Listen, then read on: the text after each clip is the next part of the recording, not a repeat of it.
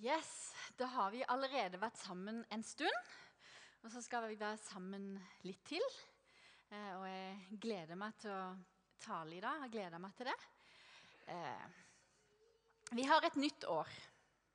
Og dette året har vi ikke hatt før. Så det er et helt, helt nytt år. Eh, og for min del så er jeg ganske glad det er et nytt år, for jeg syns at 2017 var i overkant krevende.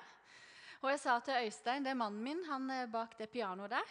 Eller han er ikke det nå, men han har vært det før i dag. Og jeg sa til han i slutten av november at nå vil jeg faktisk bare at 2017 skal være over. Nå er jeg klar for et nytt år. Og så er det sånn at 2017 var et godt år òg. Eh, min datter gifta seg, og det var en stor fest. Og i tillegg så fikk jeg jo en svigersønn. Og det er vanvittig kjekt å få en svigersønn. Og så tenker jeg at 2017 for min del var kanskje litt sånn som livet er. At eh, det er godt, det er krevende, det er vondt, og det er kjekt på samme tid. Er det ikke litt sånn livet er? Men nå har vi et nytt år, 2018. Hvem har du lyst til å være i møte med det nye året? Har du noen nyttårsforsetter? Jeg har ingen. Jeg burde sikkert, men jeg gidder ikke. Så jeg har ingen. Eh, mitt første spørsmål til deg er hvordan vil du leve? Vi har den hverdagen vi har, men hvordan har du lyst til å leve livet ditt? Føler du at samfunnet, familien, eh, venner krever at du lever et liv der du ikke er helt fornøyd? Eller opplever du at du lever et liv der du har kommet på en karusell som nå spinner så fort og det er så mye som skjer at du har ikke sjans til å gå av karusellen, og du har slett ikke mulighet til å få stoppa den. Eller tenker du av og til at livet bare baller på seg fra den ene kanten og til den andre kanten, fra den andre kanten, og at bare, du ikke egentlig har noe valg? Eller er det kanskje sånn at uh, du studerte, og ektefellen din studerte, og så fikk dere jobb, og så fikk dere hus, og så fikk dere barn, og så fikk dere hytte, og så fikk dere bil, og så er egentlig livet ditt blitt litt sånn at uh, du må nødt til å jobbe fullt for å opprettholde livet ditt. Og så består livet ditt av å jobbe, kjøre unger til og fra. Eh, og det livet du lever nå, er egentlig å dirigere, organisere og være vaktmester i eget liv. Og så sier Jesus til oss at han har skapt oss til å leve et liv i frihet. Til frihet har Kristus frigjort oss, står det. Og I Galaterne 5,1 så står det Mist ikke den frihet Kristus har gitt dere. Kristus har satt oss fri fra vårt slaveri, slik at vi for all framtid kan leve i friheten. Kjenner du at du lever et liv i frihet, eller føler du det litt sånn av og til at nå er jammen jeg fange i mitt eget liv? Jeg tenker at Jesus han har skapt oss unikt. Gud er en utrolig kreativ Gud som har skapt alle oss her inne helt forskjellig. Både på innsida og på utsida. I Salme 139, 13, så står det om det. Og så lurer jeg på av og til hvorfor i all verden gjør vi alle så likt? Er det Guds intensjon for oss? At vi skal leve så like liv når Gud egentlig har skapt oss så forskjellige? Og så har jeg lyst til å si at jeg er vanvittig takknemlig for landet vårt, for samfunnet vårt, for skolene våre, for regjeringa vår, for åssen ting blir styrt. Jeg er utrolig takknemlig for å bo i landet vårt og for all, alt det vi får i dette landet. Men samtidig så tenker jeg litt det der Hvis Gud har lagt ned i oss forskjellige ting Gud har skapt oss forskjellige med kreativitet. Han har gitt oss forskjellige sinn. Han har gitt oss så mye forskjellig. Hvorfor ser det egentlig da så likt ut? Burde vi ikke hatt litt større mangfold iblant oss? Vi går 13 år på skole, mange av oss. Veldig mange av oss. Mange tar en bachelor. Så får vi jobb, så får vi hus, så får vi barn, og så vi, går vi på hytta i helga. Og så får vi litt større hus, så får vi to biler, gjerne én stor og én Leaf. Og så pusser vi opp litt mer, og så er vi inne i den runddansen. Og er ikke opposisjon til det, men jeg spør hvorfor er det sånn at vi gjør så likt? Hvorfor er det sånn at når du på barneskolen ikke spiller fotball, så kanskje du faller litt utenfor? Eller hvorfor er det sånn at veldig mange barn i første, andre, tredje barneskolen spiller fotball eller håndball når vi egentlig er så forskjellige? Og Jeg sier ikke at det er noe galt å spille fotball. Jeg har to barn som har spilt fotball i mange mange år. Og det er en veldig fin ting. Eh, men det er litt interessant. Og så forstår jeg at samfunnet vårt har normer og regler, uskrevne og skrevne, og at vi følger samfunnet vårt, og at vi er sosiale dyr som er flokkdyr som gjør som mengdene. Alt det der forstår jeg. Samtidig Hvorfor er vi forskjellig skapt? Vi har ulike gaver og talenter som er lagt ned i oss, og likevel gjør så likt. Dette er litt sånn uferdige tanker jeg deler med dere, men jeg tenker litt på det. Og så er mitt spørsmål til du i møte med det. Lever du det livet du ønsker å leve? Mitt andre punkt er du har alltid et valg. Og jeg har lært at du skal aldri si aldri, og du skal heller ikke si alltid. Men som oftest skal vi si eller litt sånne ting. Så Derfor sier jeg vi har som oftest et valg. eh, og så har jeg lyst til å si noe om det å ta valg. Ofte så snakker jeg med mennesker som kan si sånn Nei, nå eh, Jeg har jo ikke noe valg her. Alt dette bare skjer i livet mitt, og jeg må jo bare sjonglere alt jeg får. Og så jeg har ikke noe valg. Eh, og jeg kan jo ikke gjøre noe med det, kan mange si. Men så har jeg lyst til å si at du har et valg. Og Danny Silk i denne boka her, han har skrevet en bok som heter 'Keep Your Love On'. Og Han har sagt noen ting i denne boka som jeg har øvd meg mye på å leve etter. Og Han sier det. Powerful people have choices, and powerful people make choices. Og Disse to setningene har blitt så viktige for meg i møte med livet, i møte med jobb, i møte med barn, i møte med omstendigheter det at jeg har valg. Og ikke, ikke minst i møte med mennesker så blir ikke jeg bare en respons til menneskers krav eller menneskers forventninger eller menneskers ønsker. Men jeg har valg jeg sjøl kan ta. Jeg trenger ikke bare å respondere på mine omstendigheter. Jeg skal ta et eh, eksempel fra livet mitt i høst. Noen av dere vet eh, at i høst så hadde vi en veldig syk gutt. Alexander på 17 år han satt der og spilte gitar i stad, så han er veldig veldig frisk nå. Men i slutten av august så ble han syk. Han fikk kyssesyke. Og så fikk han masse halsinfeksjoner. Han var inn og ut av sykehuset. De fant ikke helt grunnen til disse infeksjonene. Eh, han måtte tømme noen halsbiler. Altså det var sånn, I to og en halv måned så fikk vi ikke pause. Og han hadde et par operasjoner og litt sånne ting. Et parates. Jeg vet at flere av dere her inne er langtidssyke, har alvorlige diagnoser eh, og har forskjellige ting. Med alt respekt for at jeg forstår at dere står i en annen situasjon enn vi hadde nå. Nå er vår sønn frisk. Men det var tøft for oss når det sto på. ikke sant? Men med all respekt for det dere står i, og diagnosene dere har, som er langt verre. Men i hvert fall så var det utrolig tøft. Og jeg sa til Øystein flere ganger i løpet av høsten jeg skjønner ikke at det går an å grine så mye som jeg gjorde i løpet av den høsten. For jeg hadde så utrolig vondt av gutten min, som leid og leid og leid og hadde så store smerter. Og jeg var redd, jeg var lei meg, jeg var stressa, jeg var forkava. Det var en sånn vanskelig situasjon, for jeg visste ikke helt åssen det skulle ende. Samtidig som jeg skjønte jo det kom til å ende godt, men jeg visste liksom ikke helt hva som sto på underveis. Og midt i dette kaoset av frykt, Sykdom, inn og ut av sykehus, masse forskjellige ting. Så sa jeg til meg sjøl Gry, i dette så har du valg. Hvilke valg trenger du nå å ta, sånn at du håndterer denne situasjonen best mulig? Sånn at vi som familie får det best mulig? Og hvilke valg trenger jeg å ta? Og vet du hva? Det var en utrolig god ting for meg å kjenne på at nå er det ikke bare sånn at jeg blir en kasteball rundt omkring, men jeg har makt og kraft til å ta noen valg sjøl. Jeg har påvirkningskraft inn i denne situasjonen.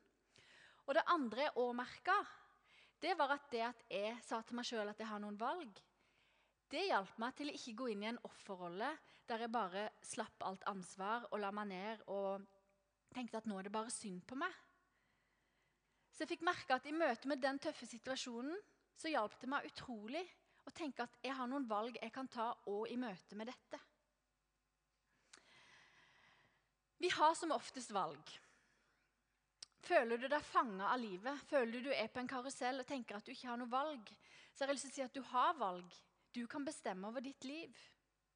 Vil du jobbe mindre? Ja, kanskje du da trenger å selge en bil, eller leie ut hytta, eller downsize huset. Eller kanskje du kjenner at du har begynt på et studie der du tenker at Guriland, det er ikke dette jeg vil, dette samsvarer ikke med det jeg vil. Nei, Hvilke valg trenger du da å ta for å møte dette studiet? Eller kanskje du kjenner at jeg vil inn på et studie, men jeg vet ikke helt hvordan jeg skal komme inn på det studiet. Ja, Hvilke valg trenger du da å ta, sånn at du skaper deg en god framtid? Og nå vet jeg at jeg opererer i de store spørsmåla. Men også, hvilke valg trenger du å ta?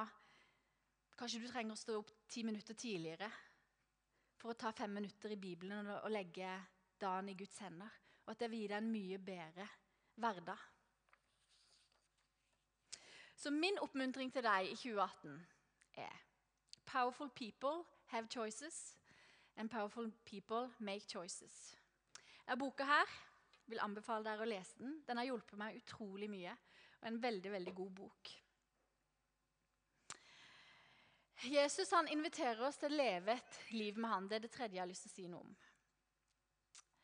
Så Jeg starta med å spørre hvordan vil du leve, og så fortsatte jeg å spørre hvilke valg vil du ta. Og så har jeg så utrolig gode nyheter her. For det at Jesus han har invitert deg til å leve et liv sammen med han. Og I første kor 1,9 så står det at Gud er trofast, han som har kalt deg til samfunn med sin sønn Jesus Kristus, vår Herre. Han kaller deg til et liv sammen med han. Og vet du hva? Når han skapte deg, så la han ned i deg en vei, han la ned i deg et liv. Han la ned i deg talenter, og han la ned i deg mange gaver du kan få lov å bruke i et liv sammen med han. Og så står det i Guds ord en setning som jeg liker så godt. Han har lagt pilegrimsveien ned i hjertene våre. I Salme 84 så står det salig er det mennesket som har sin styrke i deg. De som har fått pilegrimsveien lagt ned i sitt hjerte. Det er et liv, det er en vei vi skal få lov å gå sammen med Han. Du har et kall.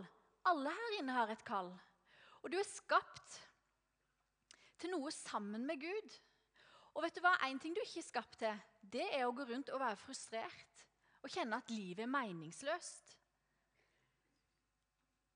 Du er heller ikke skapt til å gå rundt og være overarbeida og stressa. Du er ikke skapt til å være på en karusell der du føler du ikke har noe kontroll. Men Gud har et liv du skal få lov å leve sammen med han, og det er et rikt liv. Åssen er det med deg? Lever du livet hver dag med Jesus? Eller er troa på baklomma, og du tar den fram når du trenger den sånn av og til?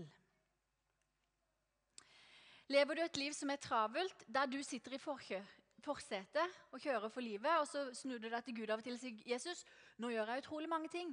Husk på å velsigne det nå. Nå må du velsigne alt det jeg gjør.' Eller setter du deg ned og søker inn til Han og spør hva Han har for deg? Det er to ganske forskjellige tilnærminger til tro. Noen ting som er likt i dette, det er at uansett hvilken tilnærming du har, så elsker Jesus deg like mye. Og Jesus han gjør ikke forskjell på noen.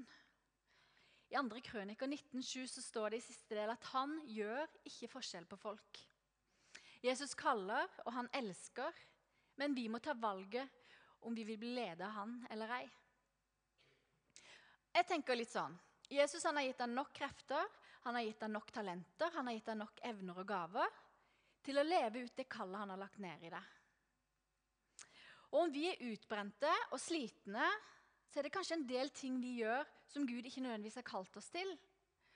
Og så er jeg 42 år, jeg har levd en stund, og jeg vet at livet ikke er så svart-hvitt. Jeg vet at vi ikke kan konkludere med hvis vi er sliten at nå er jeg på sida av Guds kall. Men samtidig så tror jeg det er noe i dette. Er dere enig i det?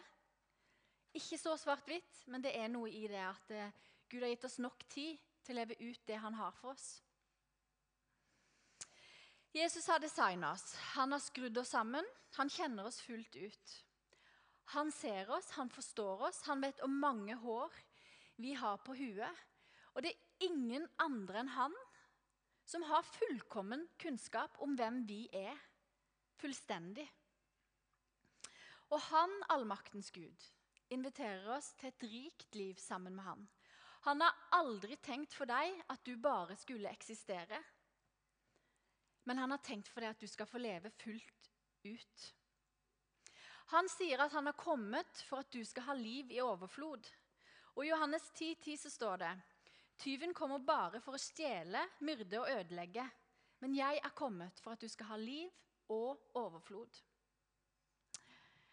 Hva med å begynne 2018 med å si Gud, du skal få lov å være sjåføren i førersetet i livet mitt? Hva med å begynne 2018 med en type stillhet og vente på Herren? La Han få fylle deg med sitt håp, med sin visjon for ditt liv. Og tenk å få lov å leve et liv ut ifra din utrustning, ditt sinn, sånn som du er skrudd sammen. Tenk å i 2018 på en helt ny måte få lov å gå sammen med Jesus. Tenk å få si 'jeg vil legge ned mitt eget, og jeg vil leve sammen med deg'. Og så har du valg. Du trenger ikke si 'ja, men Gry, du forstår ikke, livet mitt har bare blitt sånn'. Nå er jeg låst i det. Du har alltid valg. Jeg får ikke lov å si alltid, men som oftest har du alltid valg. eh, og vet du hva Jesus sier? Med Jesus så har vi alltid, og det er alltid med to streker under og store bokstaver, en ny start. Med Jesus har vi alltid en ny start. Og I Jesaja så står det Se, jeg gjør noe nytt. Nå skal det spire fram. Skal dere ikke kjenne det? Ja, jeg vil gjøre vei i ødemarken og strømmer i ørkenen. Jeg vil gjøre vei i ørkenen og strømmer i ødemarken, var det. Jeg skaper noe nytt, sier han. I første kor 5.17 så sier han, Se, han gjør alle ting nye. Og jeg finner så utrolig mye håp i dette. For det står at han skaper noe nytt. Det står at han gjør alle ting nye. Det betyr at han kan gjøre det, og at jeg kan bli med på det han gjør. Jeg skal slippe å kave, streve, men jeg skal få lov å hengi meg til han som skaper noe nytt. Og jeg skal få lov å hengi meg til han som gjør alle ting nye.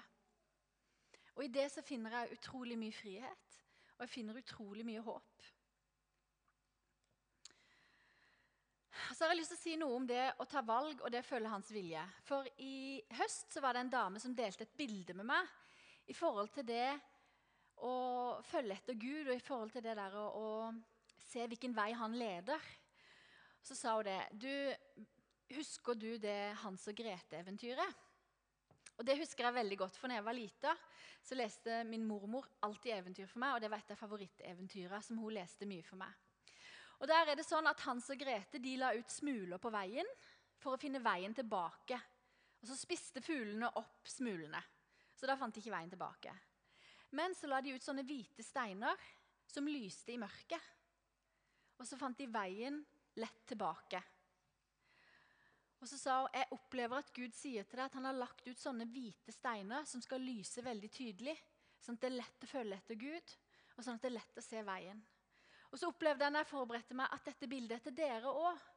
At dere kan være trygge på at det å følge etter Jesus vil være så lett som å se en lysende stein i mørket. At den vil lyse så tydelig at dere tydelig ser veien. Når vi ber Gud om å lede oss, så leder han tydelig. Vet du hva? Gud tar faktisk ansvar. Han er en god far. Og vi som foreldre når barna våre ber oss om råd eller spør om, om en vei, så vil vi for all del forsikre oss om at de rådene barna våre får, er gode. Eller at når de spør om en vei, at liksom, vi sørger for at de kommer fram til vennen sin. At de ikke sykler feil. ikke sant? Og vet du hva? Sånn er Gud òg. Han vil ikke på noen som helst måte lede oss feil. Han leder oss tydelig. Men av og til så tror jeg vi må stoppe å lytte etter veien. Og at vi må øve oss på å gjenkjenne hjerteslaget, sånn at vi vi gjenkjenner den veien han legger foran oss. Det fjerde jeg har lyst til å si noe om. og Jeg har gått på Ansgar-skolen, og da lærte vi en innledning, tre punkt og en avslutning. Så nå gjør jeg feil, for jeg har fire punkt. Men det går bra. Han fyller oss med fred. Har du fred i hjerte og sinn? Jesus han sier at han har kommet for å fylle oss med fred. Og han sier at midt i stormen kan vi ha fred. Og Jesus han sier at han er fredsfyrsten. Og En gang så var jeg ganske urolig inni meg. en gang, jeg har vært det flere ganger, men det var en spesiell situasjon for en del år siden. Og Så gikk jeg til Irene, hun sitter bak der. Hun er pastorkona vår. En av de mest vise kvinner jeg vet om. Eh, og så gikk jeg til henne og sa det. Og jeg sier jo ting rett ut, da. Så jeg sa det. Jeg er vanvittig skuffa på Jesus. Jeg syns ikke han leverer i det hele tatt. Fordi at nå er jeg i denne situasjonen. Det er ganske kaotisk og det er ganske kavete rundt meg. Og jeg kjenner ikke på noe fred. Og Jesus han har sagt at han skal gi oss fred midt i stormen. Så jeg, jeg syns ikke Jesus leverer. Og Så fikk jeg og Irene en samtale rundt det. Der hun viser meg at Guds fred er noe konstant som ligger inni oss, som Gud har lagt ned i oss. Men av og til så står vi i situasjoner der det er ganske mye følelser og ganske mye som skjer på innsida. Som vi kanskje må bearbeide, som vi kanskje må snakke om, som vi kanskje må ut. Men Guds fred ligger der konstant. Og I løpet av den samtalen og i løpet av ukene som kom, så begynte jeg å forstå ja, Guds fred den er her. Den, er, den ligger i magen som en sånn Som et teppe.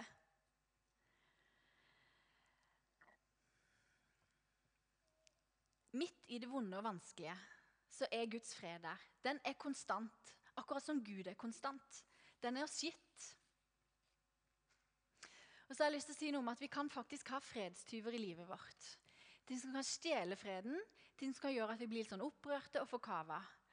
Eh, og jeg har lyst til å si En ting som jeg faktisk tror er en stor fredstyv Det er veldig mye positivt med dette òg, men det kan òg være en stor fredstyv. Og det er det med sosiale medier som vi forholder oss til i vår hverdag. Vi ser etter mange likes og flere likes. Vi ser perfekte liv. Vi ser sammenkomster, fester og bursdager som ikke vi var invitert til. Og så lurer vi på hvorfor vi ikke var invitert til de festene. Og jeg vet, jeg vet at mye som blir lagt ut, gjenspeiler ikke hele personens liv. Men vi lar oss lure av det som blir lagt ut, og i møte med det så kan vi føle oss mislykka, vi kan føle at vi ikke får ting til, eller vi kan føle at alle har så fantastiske liv. Og Jeg har sånn morsom, et morsomt eksempel på det. For i mai i fjor så fikk jeg og Øystein, Elling og Hildegunn eh, gratisbilletter til Justin Bieber-konsert. av en, han som arrangerte konserten. Og av alle ting, oss fire, fikk vi liksom gratisbilletter helt framme ved scenen. Og det var på det nivået når Justin Bieber kom ut på scenen, så måtte jeg spørre er det, er det Justin Bieber. For jeg hadde jo ikke peiling, og vi sto der sammen med hylende tenåringer. ikke sant? Og så skjer jo litt det absurde da, at det plutselig har flere andre fra stab fått gratisbilletter sånn rundt omkring. Så plutselig var vi liksom 15-20 stykker fra IMI-staben foran scenen på Justin Bieber-konsert. Og jeg var litt sånn Hva skjer her? Dette er jo helt absurd. ikke sant? Og så tok vi noen snapper. Og vi kjøpte jo Justin Bieber-caps til Elling, og det måtte jo dokumenteres. ikke sant? Og la liksom ut på stabsida på, på IMI og litt sånn.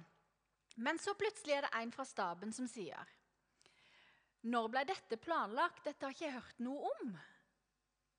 Ikke sant?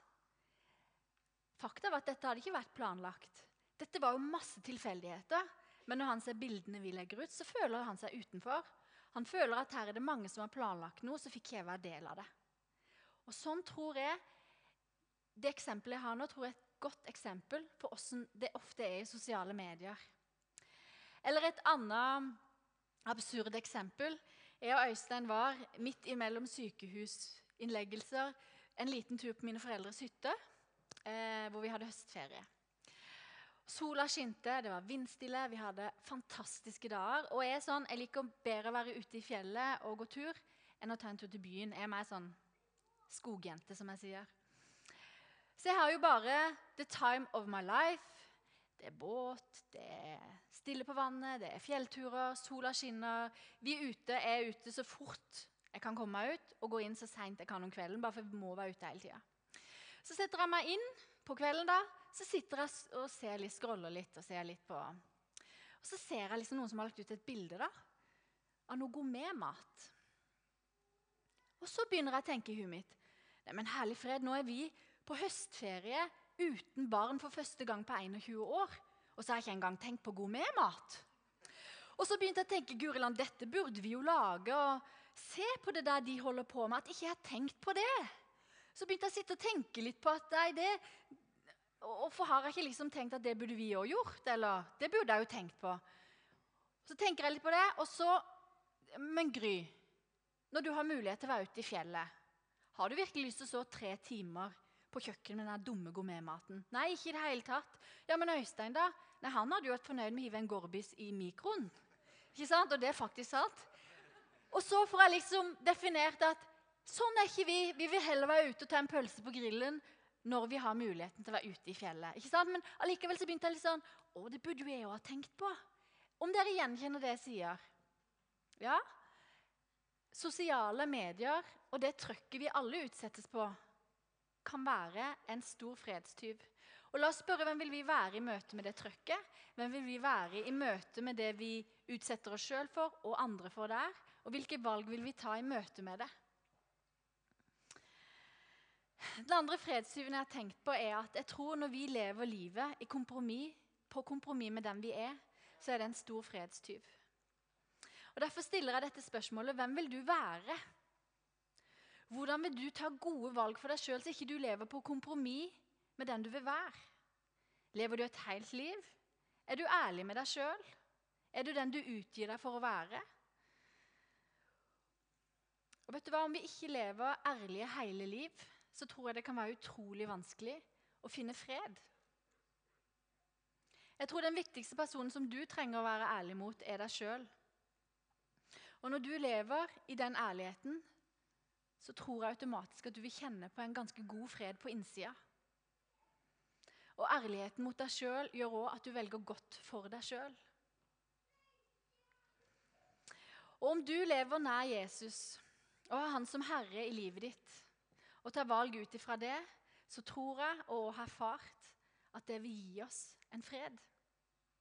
Det er ikke alltid det letteste, men jeg tenker at det skaper et grunnvann av fred å leve med Han som har skrudd deg sammen og skapt deg, Å leve i samsvar med det Han har for deg. Jeg skal gå mot avslutning, og jeg skal ta en historie til. Eh, når mine barn var små, så var jeg hjemme med dem i mange år. Og det er jo sånn Når ungene er sånn ett-to år, så er det jo utrolig mange ting de ikke kan gjøre. da. De kan jo ikke klatre opp trappene, de kan ikke ta på ommen, de kan ikke kaste mobilen i do. De skal helst ikke kaste for mye mat på gulvet. Og jeg kom til et punkt når jeg hadde de hjemme, at jeg tenkte mine unger de kommer til å lære å si mamma og nei. Det er det de, Når de er fire år, så kommer de til å si mamma, nei, mamma, nei.